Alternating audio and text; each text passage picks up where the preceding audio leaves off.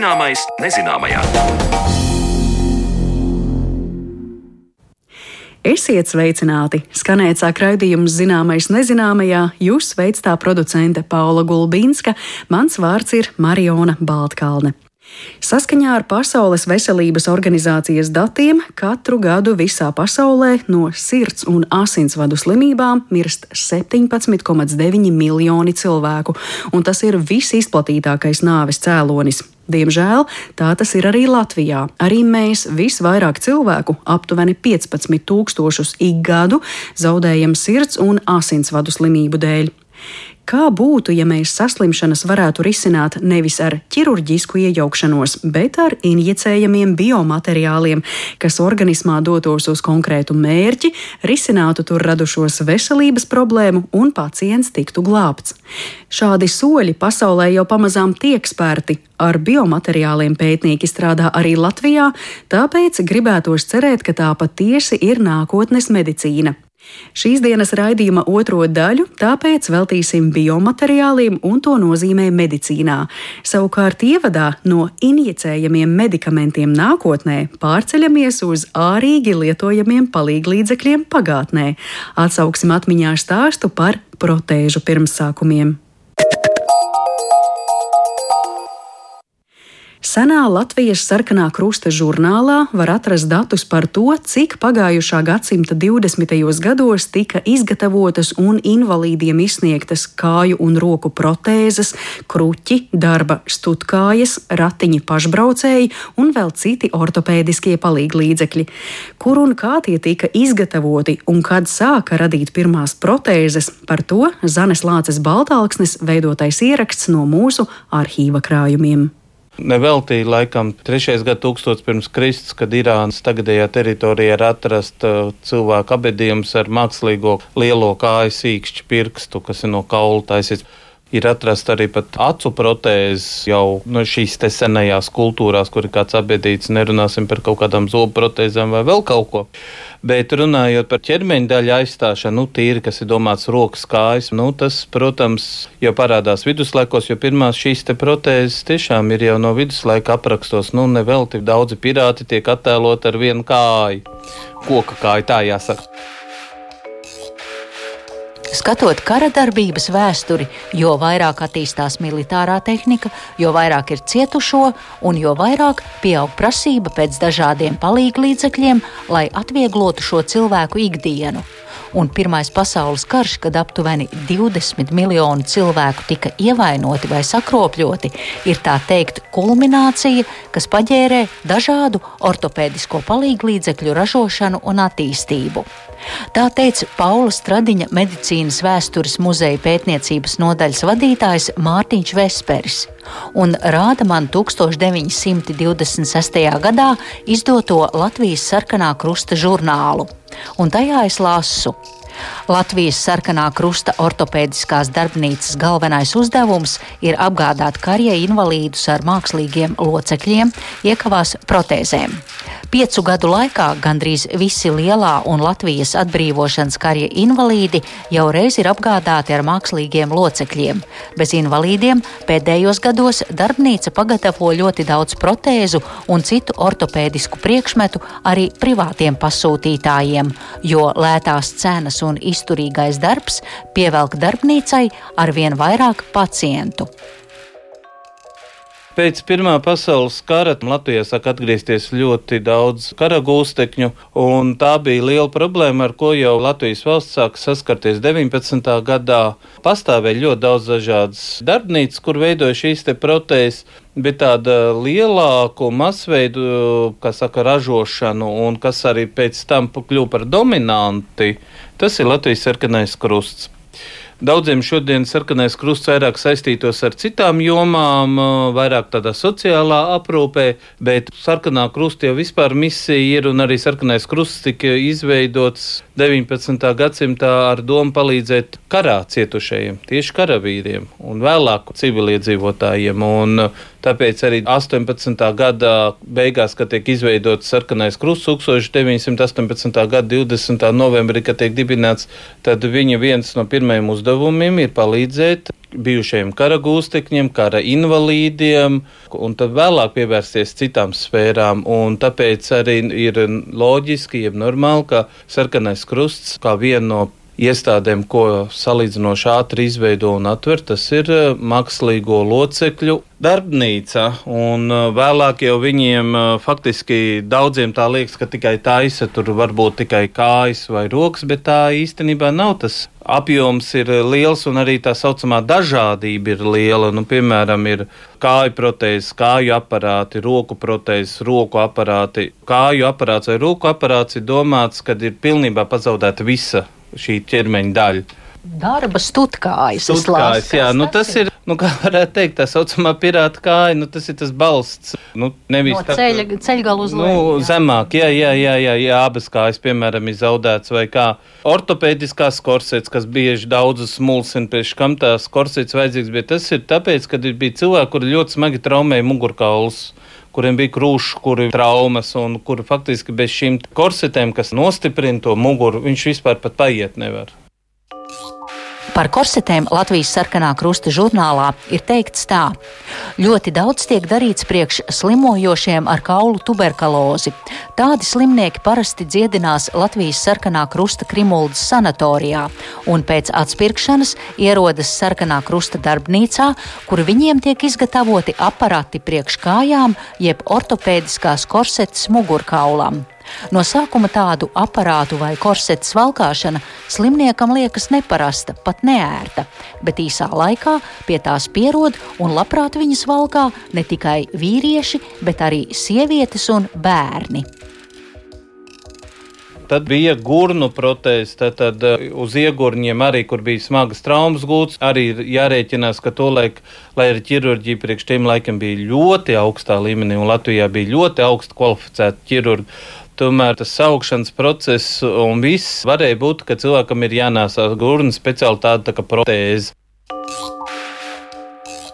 Sarkanā krusta ortopēdiskā darbnīca tiek dibināta Rīgā 1921.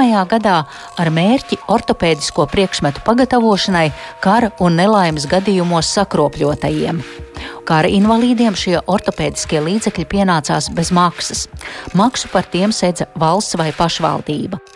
Un šķirstot minēto žurnālu, mēs redzam, ka ortopēdisko zābaku pāris pagājušā gadsimta 20. gados maksā 100 latu, bet braucam ratiņi 305 latus.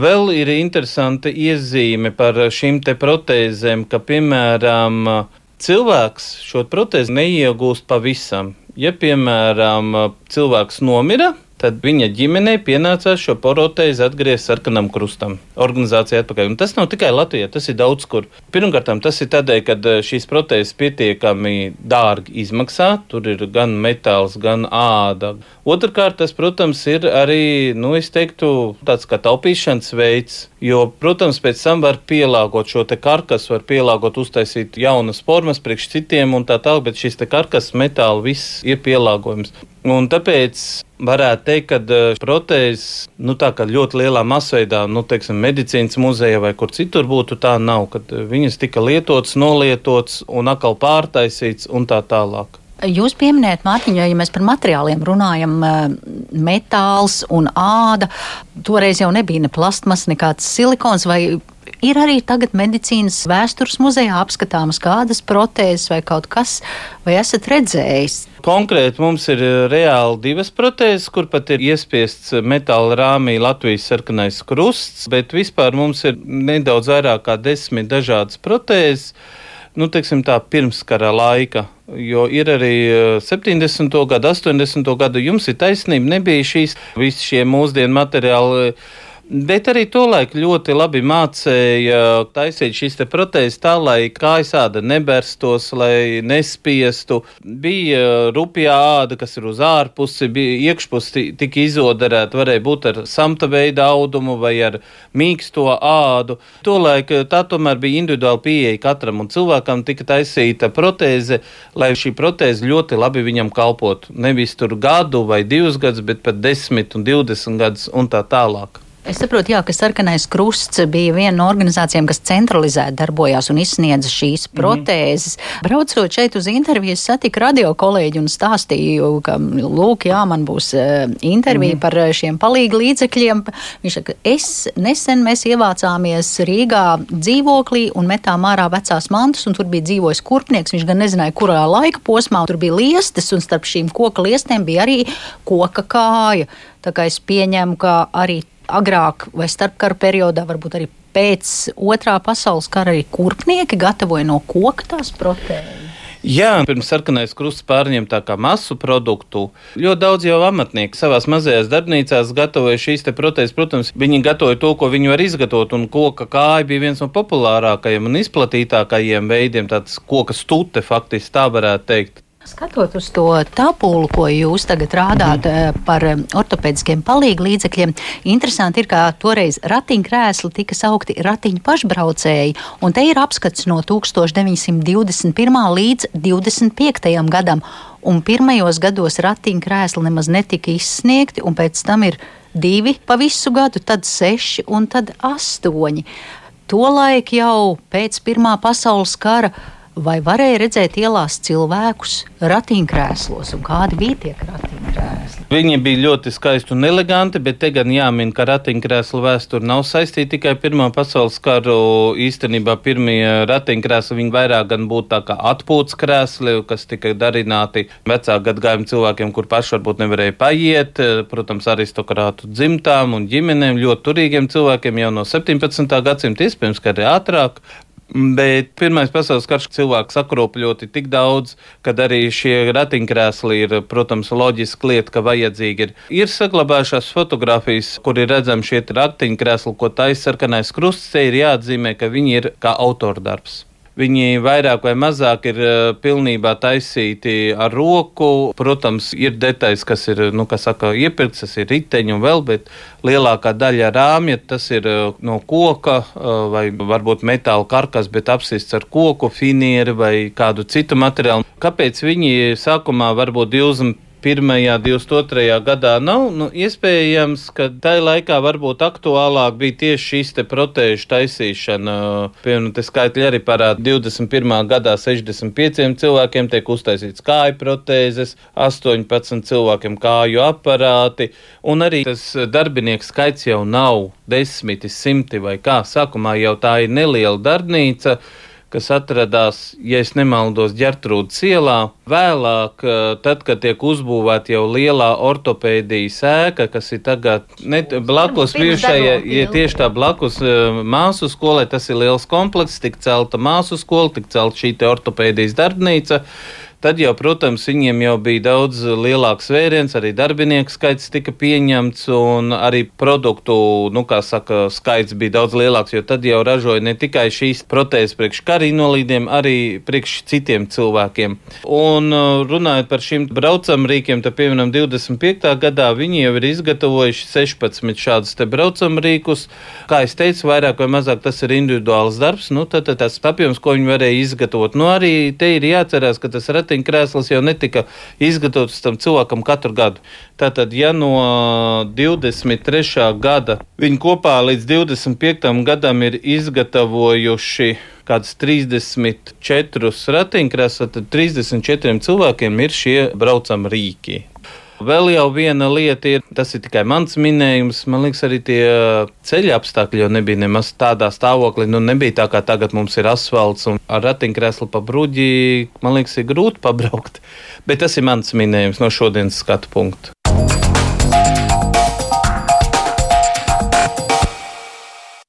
Tāds lūk stāsts par protēžu vēsturi, kurā ielūkoties palīdzēja kolēģe Zane Lāce Baltalksne, bet tālāk vērsīsim skatu nākotnē un pētīsim, ko vērtīgu medicīnai varētu sniegt biomateriāli.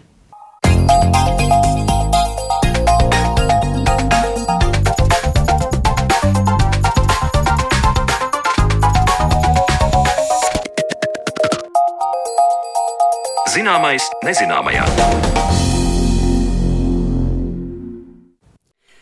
Revolucionārs biomateriāls, kas dziedē audus no iekšpuses. Tā varētu raksturot Kalifornijas Universitātes San Diego ASV pētnieku izstrādātu biomateriālu, ko var injicēt intravenozi un kas samazina iekaisumu audos un veicina šūnu un audu atjaunošanos.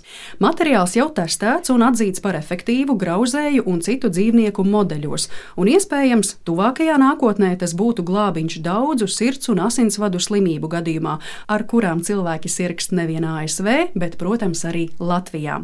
Ko tad īsti nozīmē radīt šādu biomateriālu, kāpēc tas būtu iedarbīgāks nekā citas ārstniecības metodes, un ko biomateriālu izstrādē esam paveikuši pašu mājās? Par to saruna raidījuma turpmākajās minūtēs, un studijā sveicu biomateriālu pētnieci Rīgas Tehniskās Universitātes Rudolfa Cimdiņa Rīgas biomateriālu inovāciju un attīstības centra vadošo pētnieci Aritu Dubņiku. Labdien! Labdien! Un Paula Stradiņa Kliniskās Universitātes slimnīcas asinsvadu ķirurgu, kā arī Latvijas Universitātes profesoru Daini Krieviņu. Labdien! Labdien! Manis eh, pieminētā ASV pētnieku komanda publikācijā ir arī skaidrojusi, kā viņi pie šī unikālā biomateriāla ir nonākuši. Proti, viņi jau pirms dažiem gadiem ir radījuši hidrogēlu, nu tad tas sanāk kaut kas žēlējveidīgs, par pamatu ņemot sirds muskuļa audu ārpus šūnu matriksu, jeb vienkāršot izsakoties saistaudu struktūru starp sirds muskuļa audu šūnām, kas ir ļoti nozīmīga, jo tā palīdz šūnām savstarpēji savstarpēji sazināties, augt, kustēties un arī atjaunot bojātos audus. Hidrogēls bija, To izmēģināja un secināja, ka to var lietot tikai tad, kad pēc sirdslēkmes ir pagājusi nedēļa vai pat ilgāks laika posms, un tad nu vajadzēja radīt kaut ko, ko var ievadīt sirdī uzreiz pēc sirdslēkmes. Un tā no jau pieminētā hidrogēla tika radīts pulveris, atstājot tikai pašas mazākās daļiņas, jeb nanodaļiņas, ko tad šoreiz veiksmīgi un saulaicīgi cilvēkam varētu intravenozi ievadīt asinsritē. Arita, es vispirms veros eh, jūsu virzienā, jo jūs strādājat ar injicējamiem biomateriāliem, mīkstajiem audiem. Vai jūs šo manis iesākto un iespējams nevisai vienkāršo stāstu par hidrogēlu un tā pulveri varat attīstīt tālāk? Ko nozīmē radīt biomateriālus, kas tiek izmantots un līdz kam mēs parasti nonākam? Vai tas vienmēr ir pulverītis? Nē, biomateriāls nu, nav visu laiku pulverīts. Biomateriāls var būt jebkurš materiāls, ko mēs varam ievietot cilvēku organismā, un tas ir bioloģiski sadarīgs vai inerts un kalpo mums kā papildus uzlabojošs materiāls. Tas, kā mēs strādājam biomateriāla centrā, mēs vairāk pētām inicējumus hidrogēlus un arī materiālus mīksto audu un kaulaudu atjaunošanai. Un, uh, tas var būt gan pulverīts, tās var būt granulas, tās var būt pamatnes, tie var būt vadiņi, tie var būt stenti, tie var būt metāla lielie implanti, tās var būt gūžas, tie var būt veseli kauli. Tā kā klāsts ir ļoti, ļoti plašs, kas tas var būt. Protams, injicēt var kaut ko mazu. Tādēļ visticamāk tiek arī skaidrots, ka tās būs nanodaļiņas un hidrogēls, jo tiklīdz tas ir kaut kas inicējams, tam ir jābūt viegli plūstošam, tam, kas, nu, principā tek cauri šķircē, lai varētu intravenozi ievadīt. Vai jūsu prakse arī ir līdzīga kā ASV pētniekiem, ka mēs vispirms radām šo žēlēju veidīgo masu, hidrogēlu, un tad no tās tālāk radām citas dažādas lietas. Jā, lielākoties tā arī ir. Tad, kad biomateriāls un materiāls vispār rada, sāk ar izēvielām, skatās no kādām izēvielām tiek gatavots biomateriāls. Mēs izmantojam ļoti dažādus materiālus, gan kolagēnu, gan hialuronskābi, gan polilizīnu un arī dabas biomateriālus, kas ir pieejami. Un tad mēs kombinējam šos materiālus savstarpēji ķīmiski čērsaistot vai arī fizikāli ķīmiski čērsaistot, skatoties, kā veidojas veidojas hidrogēls. Un tad atkarībā no tā, kādi ir tie materiāli, veidojās vai nu tāds nu, teiksim, ļoti stingrs gumijlācis, ko varbūt būs grūtāk injicēt, vai arī kaut kas šķidrāks, vieglāk injicējams.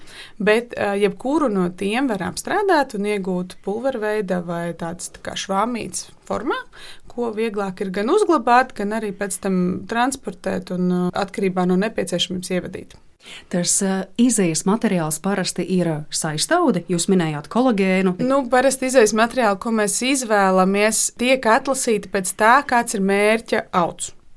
Nu, ja mēs skatāmies uz mīkstajiem audiem, tad mēs, protams, skatīsimies vairāk uz hilaronu skābi, vairāk uz kolagēnu, kaut ko varbūt uz ādu, skatoties arī, nu, jebko, kas būs saderīgs ar vidi. Tiklīdz tas būs, piemēram, kauls, mēs, protams, skatīsimies uz neorganisko fāzi, tas būs uz kalciju fosforu, uz tādiem materiāliem, plus kaut ko, kas jaucās klāt kā organiskā fāze, lai varētu to nodrošināt. Ir ļoti daudz pētījumu par to, kā tiek uh, izmantoti materiāli no paša cilvēka. Piemēram, arī no asinīm izdalīts fibriogēns, ko arī izmanto hidrogēla veidā. Līdz ar to izmantošanas iespējas ir ļoti plašas un arī materiāli ir ļoti plaši. Materiāla zinātnieki vienīgais, kas var ierobežot, ir iztēle un tas mērķa augs, uz kuru viņš tiecās. Ja šīs izvēles iespējas ir tik plašas, vai sanāk, ka tā amplitūda, laiks, cik ilgi mēs biomateriālu radām, arī ir atšķirīgs? Nu, medicīnā vispār biomateriāla radīšanas laiks tāds minimālais droši vien būs tie paši desmit gadi joprojām. nu, no brīža, kad laboratorijā pētnieks izvēlās, tagad, ok, es tagad strādāšu piemēram ar saistāvdiem vai ar, nu, ar kaulaudiem.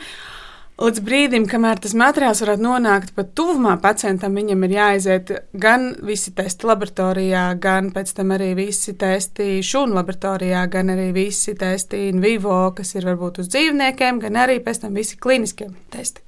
Un, attiecīgi, klīniskie testi tie būs droši vien paši apjomīgākie, paši dārgākie un arī paši ilgākie.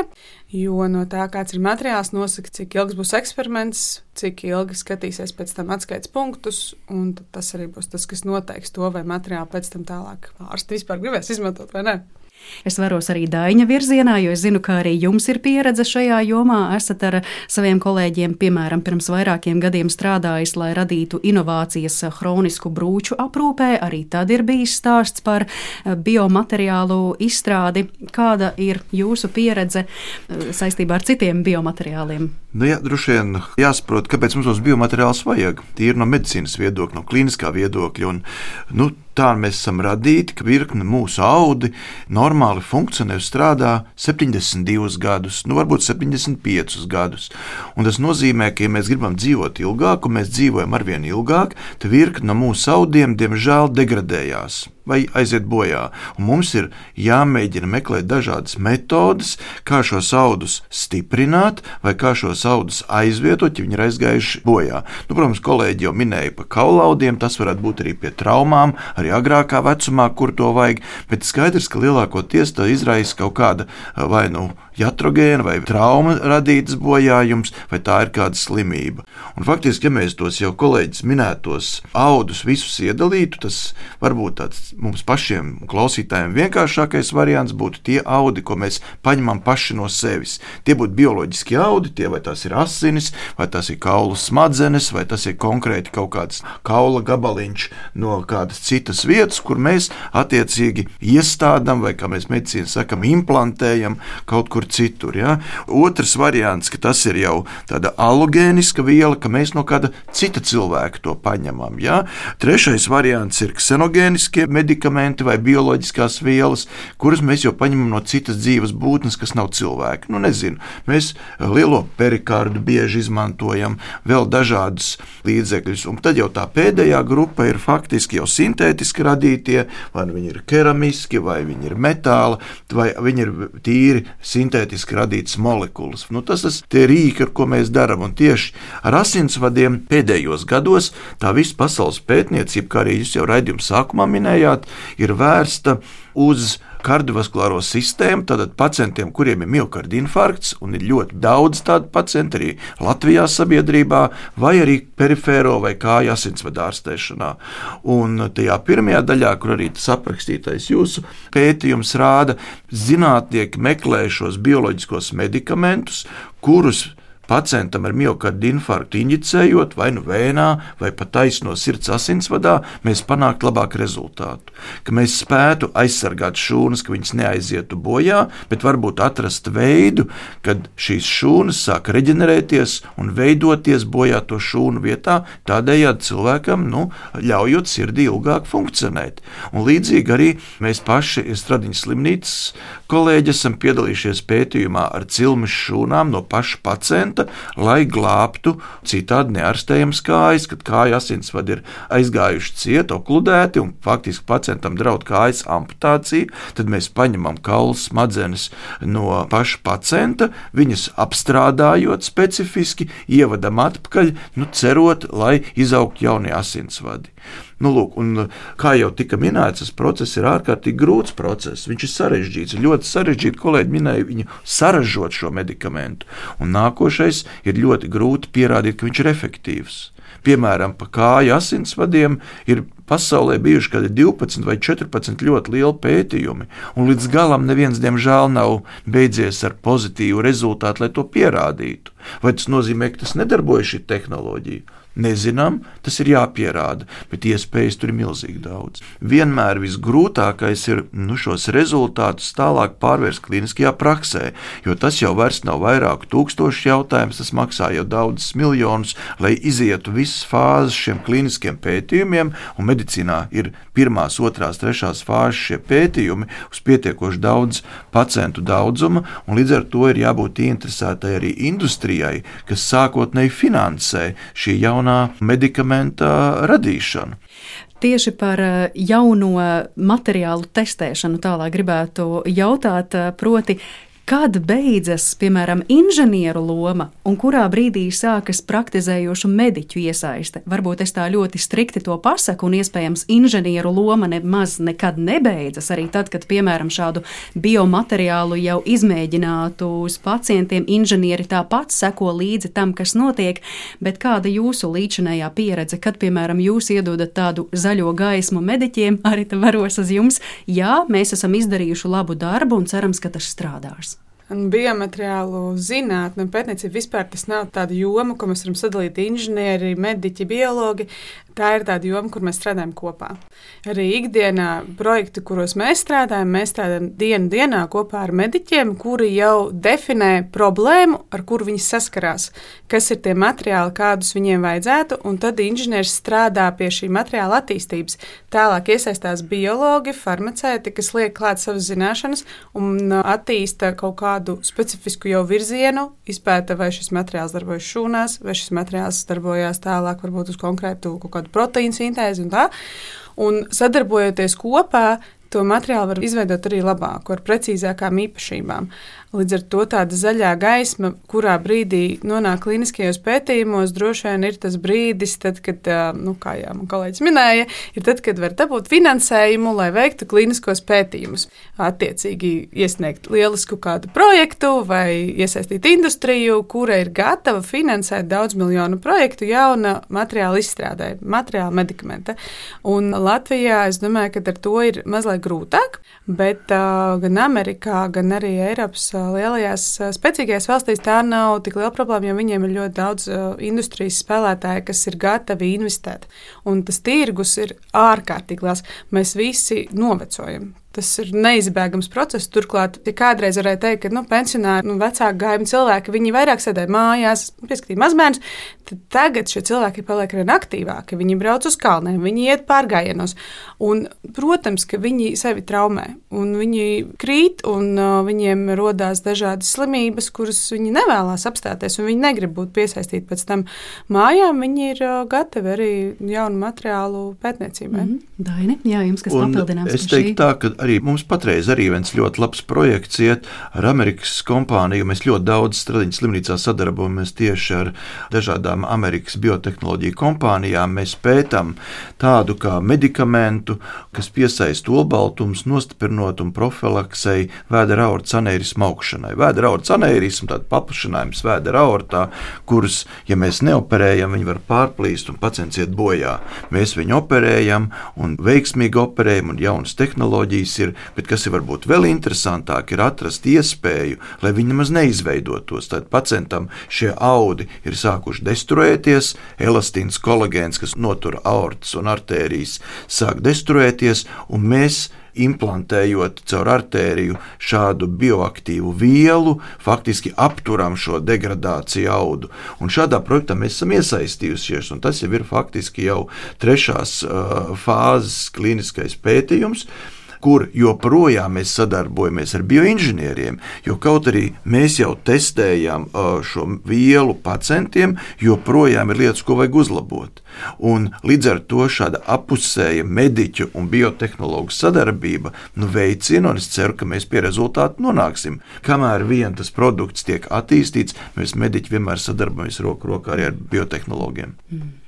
Es tālāk gribētu pievērsties eh, tam, kā šis biomateriāls darbojas, jo jūs, Daini, uzskaitījāt veselus četrus veidus, kā tas var tapt. Tātad mēs biomateriālu radām no paša cilvēka organisma, tad no cita cilvēka organisma, tad no dzīvnieka un vēl varbūt uzsintezējam mākslīgi.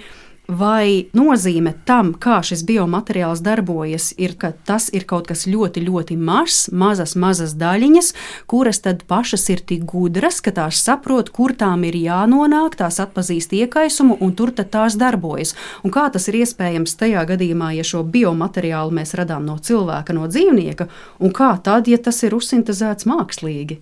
Nodefinēsim to, ka nevienmēr tās būs daļiņas.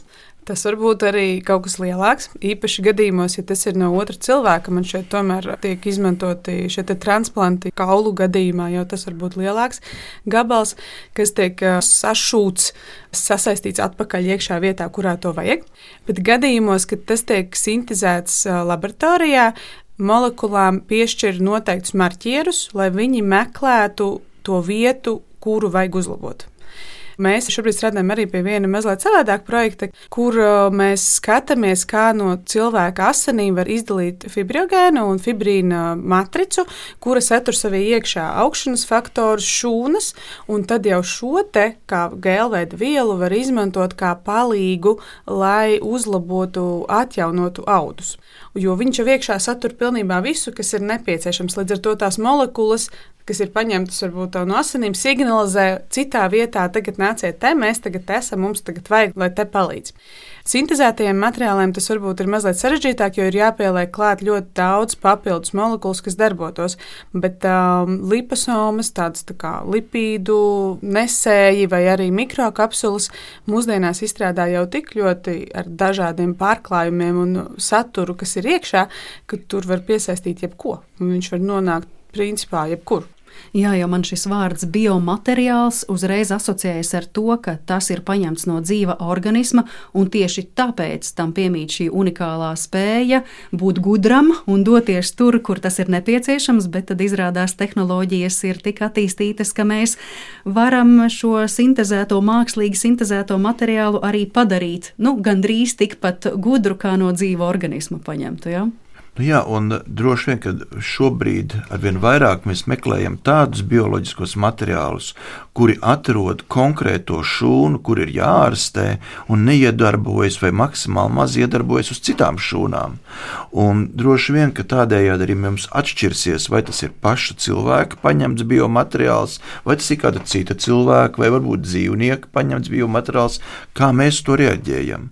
Un mums ir jāatrod maksimāli tādas vielas ideālā garā gadījumā, kuras injicējot vai iekļaujot mūsu organismā, nerodas mums pretreakcija. Un, ja rodas šī pretreakcija, tad tādā gadījumā kā mēs viņu mazinām? Un, diemžēl, nu, protams, mēs esam iemācījušies mazināt šādas pretreakcijas. Mēs zinām, mums arī nieres transplantē un citus orgānus transplantē, un mēs mākam, ka viņus neatgrūž. Organismu iemācīt tam, bet tas, protams, nāk par savu cenu.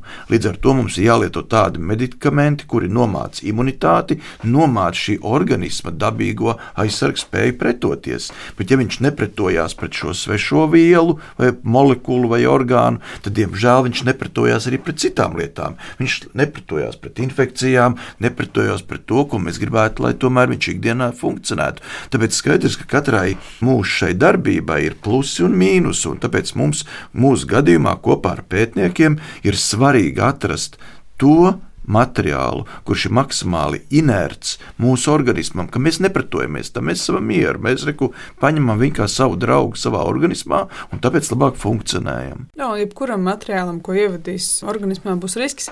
Tādēļ arī tas pētniecības process ir tik garš.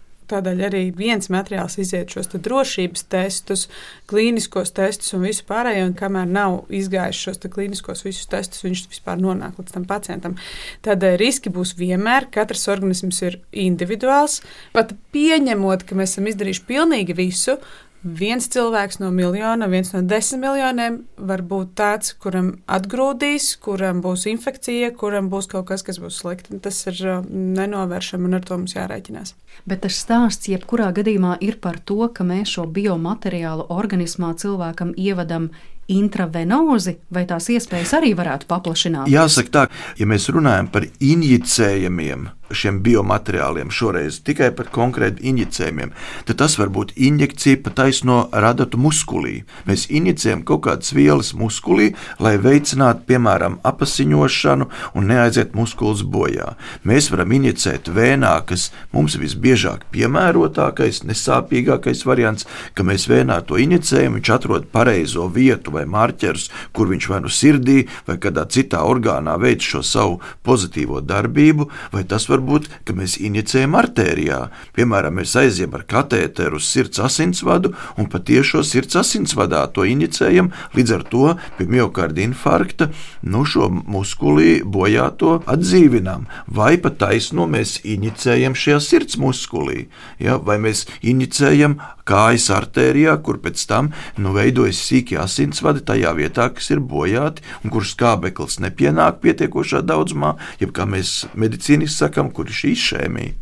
Mēs runājam par injicēšanu, kas nozīmē to, ka pacientam būtu nepieciešams atbalsta personāls, vai mēs varam aiziet tik tālu, ka mēs runātu par orāli lietojamiem eh, biomateriāliem, nu, kad cilvēkam ir veselības problēmas, un viņš tad kādu laika posmu lieto biomateriālus, uzņem tabletīti un arī tiek galā ar veselības problēmām. Varbūt mēs varam attīstīties ideālā gadījumā, ka piemēram pacientam ir kāda plaušu slimība vai uh, kāda cita kaita, ka viņš varētu mierīgi aerosola veidā šo biomateriālu, piemēram, arī ieelpot. Tiesa gan biotehnoloģiem ir jāatrod tādas molekulas, kuras caur plaušu audiem nonāks tālāk sistēmas darbībā. Mēs jau šobrīd lietojam medikamentus, virkni inhalējumus medikamentus. Nu, par tabletēm es būtu piesardzīgs vērtīgāks, jo tur tomēr nu, mūsu kuģa zarnu trakts ir tāda ritīga rūpnīca, kas pārstrādā visu, ko mēs noēdam. Nu, varbūt akmeņus vēl ne, vai ne? Bet arī droši vien, vai ne, ja uzdzers Coca-Cola virsū. Ja? Nu, lūk, līdz ar to man te mazliet ir bažas, ka biotehnologi atliks šo malā, jo viss šis vielas nodegradēs mūsu kuģa zarna sulas. Nu, tas, uz ko mēs arī vairāk skatāmies, ir tas, lai varētu pievadīt materiālus un medikamentus lokāli, tajā vietā, kurā vajag lai nebūtu jāiet cauri tam ceļam, kad tu kaut ko ēd, tas tiek pārstrādāts, sašķelts. Tajā brīdī, kad tu viņu apēdi, viņš to nonāks ne tikai tur, kur tu gribi, viņš nonāks principā visur. Un tas ir daudz sarežģītāk uzkonstruēt sistēmu, kura ne tikai izturētu kuģi, zārnas, bet vēl arī neaizietu pēc tam uz nierēm, aknām un nu, tā kā pilnīgi visur, bet nonāktu, piemēram, kājas mazajā pirkstiņā. Līdz ar to vairāk koncentrējamies uz to, lai tas būtu lokāli tajā brīdī, kur tev sāp, tajā vietā tu ievadi. Varbūt varam skatīties uz kaut kādām transdermālām sistēmām, kur caur rādu tiek ievadīts varbūt konkrēts vielas, kas ir tuvāk tāda veida sistēmām. Jā. Daini, es domājot par jūsu darbības lauciņu un arī atvinoties eh, raidījumā ievada pieteikuma tekstu par to, ka šī inovācija Amerikas Savienotajās valstīs varētu palīdzēt plaša spektra sirds un asinsvadu slimību pacientiem. Kas varētu būt šajā uzskaitībā? Viss, ko vien mēs zem šī vārdu salikuma varam iedomāties, infarkts, insults un viss pārējais? Konkrēti šajā vārdu salikumā vairāk ir domāts tie pacienti, kuriem ir miocarda infarkts, kur ir bojāts sirds muskulis, faktiski tiek meklētas vielas, lai uh, uzlabotu, aizsargātu šo sirds muskuli tajā brīdī, kad infarkts ir noticis, lai viņš nepalika plašāks un lai maksimāli maz šūnas aiziet bojā.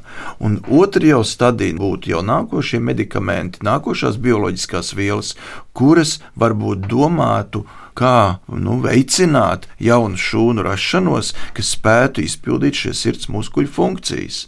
Tas ir nu, šī pētījuma uh, galvenais mērķis. Bet mēs varam paskatīties arī plašāk. Droši vien ka būtu interesanti, ja kāds izdomātu kādu bioinjicējumu vielu, piemēram, lai cilvēki nepaliktu sīrmi, piemēram. Ja?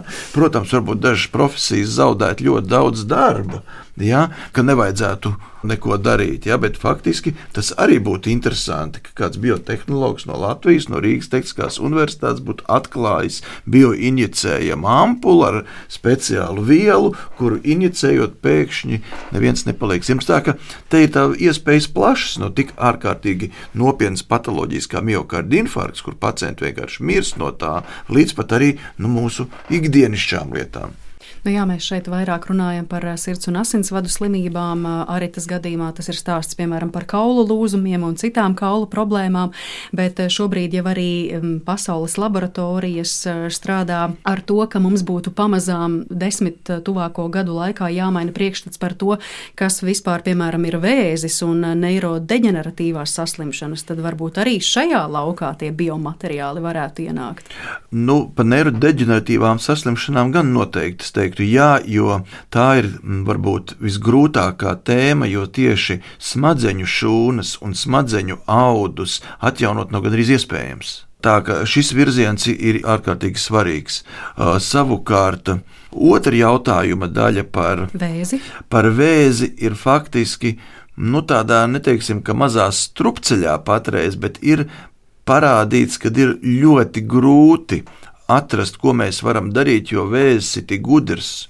Viņš tik ļoti mainās, miljoniem šūnas īsā laika periodā mutē, vairojās, dažādojās, kad ar to droši vien nu, šī cīņa būs nebeidzama. Ir ļoti daudz jau vēža, dažādas formas, kuras mēs mākam izārstēt. Un vērs nebūtu nav diagnoze, kas nozīmē, ka tu esi miris. Nē, mēs mākam izārstēt daudzas vēža formas, bet joprojām teikt, ka vēzis nebūs vispār, laikam nu, es būtu piesardzīgs, sakot, ka mēs līdz tam varētu tuvākā laikā nonākt. Mm. Mēs varbūt šodienas mūsu tēma, mēs esam izvēlējušies visu to grūtāko biomateriālu grupu, kas ir injicējumiem, kur faktiski ir ļoti daudz pētījumu. Dzīvniekiem ir pierādījuši, ka viņi labi darbojās, bet viņi nav nonākuši vēl līdz tai stadijai, kad mēs teiktu, ka viņš ir pieejams mūsu veselības aprūpē ikdienā.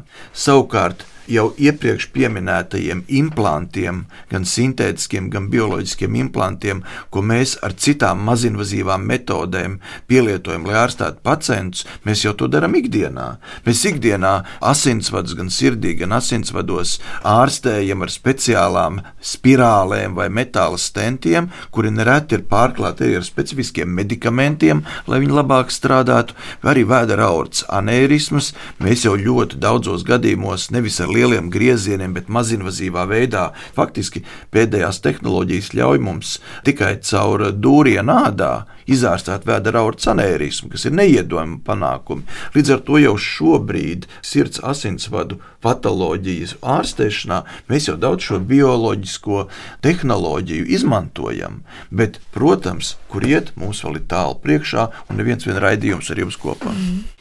Nu, tad noslēgumā kādas jūsu prognozes, piemēram, šis ASV pētījums vai citi jūsu testētie pētījumi, cik mums ilgs laiks būs nepieciešams, līdz mēs, piemēram, Latvijā varam par biomateriāliem, injicējumiem biomateriāliem sākt runāt praksē? Cik vēl tas ceļš ir garš jānoiet? Es domāju, ka satiksimies pēc pieciem gadiem. Un es ļoti ceru, ka pēc pieciem gadiem vismaz par diviem šādiem inicējumiem produktiem mēs runāsim. Es varu tikai piekrist, jo šobrīd arī Tehniskajā universitātē mēs ieviešam projektu kopā ar Stradiņu universitāti un Organiskās sintēzes institūtu. Un, nu, pat jau mēs strādājam ceturto gadu, un es redzu arī, ka mums pētnieku starpā iet jau daži patenti, kas tiek šobrīd virzīti jau uz Eiropas un uz pasaules patentiem. Tā kā nu, ir cerības, ka tuvākajā laikā būs. Cik tas tuvākais laiks būs, nu, varam mēģināt uz tiem pieciem gadiem tikties atkal. Tad mums ir jāsadara. Jā. Derēt nevajag, labāk liekam cerības, ka tā tiešām būs. Jā, tad eh, pēc pieciem gadiem tiešām būs interesanti uzzināt, kas notiek Latvijas medicīnā. Un Iespējams, Daini, kā jūs teicāt, neviens viena raidījums mums vēl izskanēs kopā, runājot uh, ne tikai par to, kas jau ir paveikts, bet uh, arī par to, kā šis process attīstās. Un mēs vēlam veiksmi jūsu pētniecības darbā, jūsu institūtos. Saku paldies mūsu šīs dienas viesiem un atgādināšu, ka zināmais nezināmajā studijā šodien viesojās biomateriālu pētniece Rīgas Tehniskās Universitātes Rudolfa Cimdiņa, Rīgas biomateriālu inovāciju un attīstības centra vadošā pētniece Arita Dubņika un Paula Stradiņa Kliniskās Universitātes slimnīcas asinsvadu ķirurgs un Latvijas Universitātes profesors Dainis Krieviņš. Paldies jums abiem par sarunu! Paldies! Un par šīs dienas raidījumu parūpējās producente Paula Gulbīnska, par mūziku gādāja Girds Bišs, skaņu režijā bija Nora Mītspapa un ar jums sarunājās Mariona Baltkalne. Uz sadzirdēšanos un visu labu!